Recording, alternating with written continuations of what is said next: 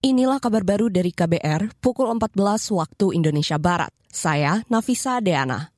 Presiden Joko Widodo berencana merekrut mahasiswa lulusan baru atau fresh graduate untuk menjadi aparatur sipil negara ASN di Ibu Kota Nusantara IKN. Menurut Menteri Pendayagunaan Aparatur Negara dan Reformasi Birokrasi Azwar Anas, rekrutmen akan dimulai tahun depan. Yang terakhir kami tadi melaporkan terkait pematangan skenario rekrutmen ASN di tahun 2024 dan beliau minta fresh graduate yang hebat-hebat nanti salah satunya diberi ruang banyak di IKN. Menteri Pendayagunaan Aparatur Negara dan Reformasi Birokrasi Azwar Anas enggan merinci jumlah lowongan ASN yang akan dibuka untuk lulusan baru. Namun, dia memastikan hal itu akan diumumkan Presiden pada Januari tahun depan. Sebelumnya, pemerintah menargetkan sekitar 16 ribuan ASN, TNI, dan Polri akan pindah ke IKN pada 2024. Bergeser ke berita hukum. Ketua Mahkamah Agung Syarifuddin enggan merespons dakwaan dari Jaksa Penuntut Umum JPU Komisi Pemberantasan Korupsi KPK terhadap Sekretaris Nonaktif MA Hasbi Hasan. Dakwaan itu terkait penerimaan uang 100 juta rupiah dari Ketua Pengadilan Negeri Pangkalan Balai Banyuasin, Sumatera Selatan, Yudi Noviandri Februari 2021.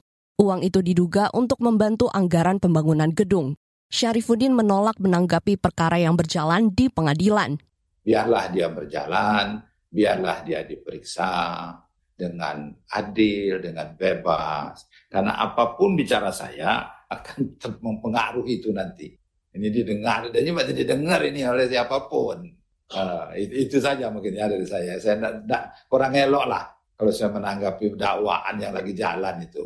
Itu tadi Ketua Mahkamah Agung Syarifuddin. Sebelumnya, Sekretaris Mahkamah Agung nonaktif Hasbi Hasan didakwa menerima suap lebih 11 miliar rupiah dan gratifikasi senilai 630 juta rupiah.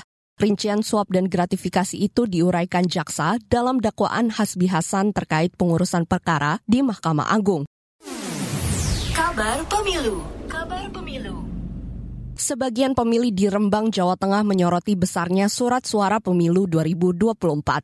Selengkapnya bersama reporter radio jaringan Musyafa dari Radio R2B Rembang.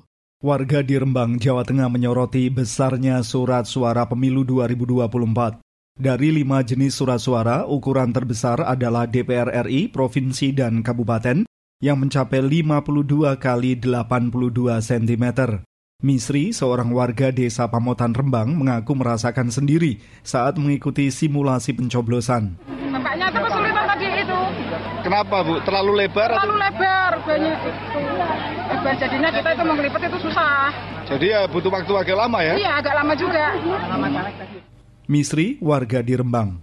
Ketua Komisi Pemilihan Umum KPU Kabupaten Rembang, MIK Iqbal Fahmi menjelaskan, surat suara pemilu 2024 sama seperti pemilu 2019 lalu.